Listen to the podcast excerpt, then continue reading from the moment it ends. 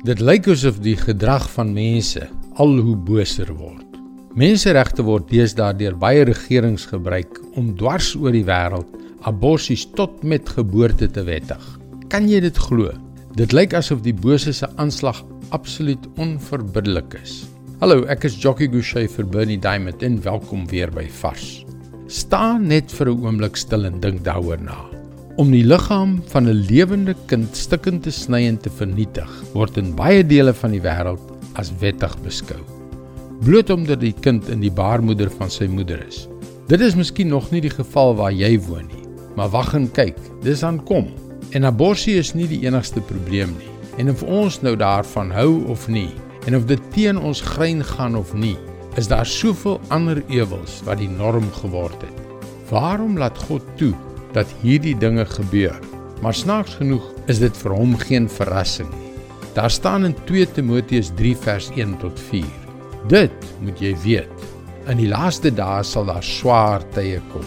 Die mense sal selfsugtig wees, geldgierig, grootpraterig en verwaand, beledigend teenoor hulle medemense en ongehoorsaam aan hulle ouers, ondankbaar en ongodsdienstig Hulle sal liefdeloos en onversoenlik wees.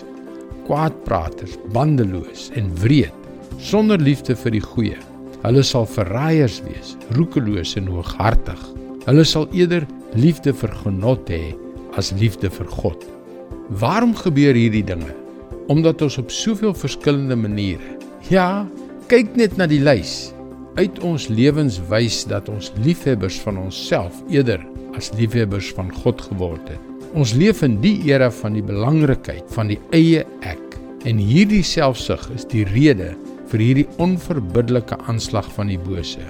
Ja, ja, ek weet, ek en jy kan nie die res van die wêreld verander nie. Ons kan nie op ons eie abortus of die slawehandel of die ander gruweldade stop nie. Maar ons kan seker maak dat ons nie deel daarvan is nie. Ons kan ook seker maak dat ons nie een van die mense is wat die ellende veroorsaak nie. Hoe? Deur 'n liefhebber van God te wees en nie 'n liefhebber van self nie. Dis sy woord vars vir jou vandag. Om standpunt teen die kwaad in te neem is dikwels konfronterend. Daarom wil ek jou graag aanmoedig om ons webwerf varsvandag.co.za te besoek. Hier by Vars staan ons gereed om saam met jou te bid. Skakel weer môre dieselfde tyd in op jou gunstelingstasie vir nog 'n boodskap van Bernie Diamond. Mooi loop. Tot môre.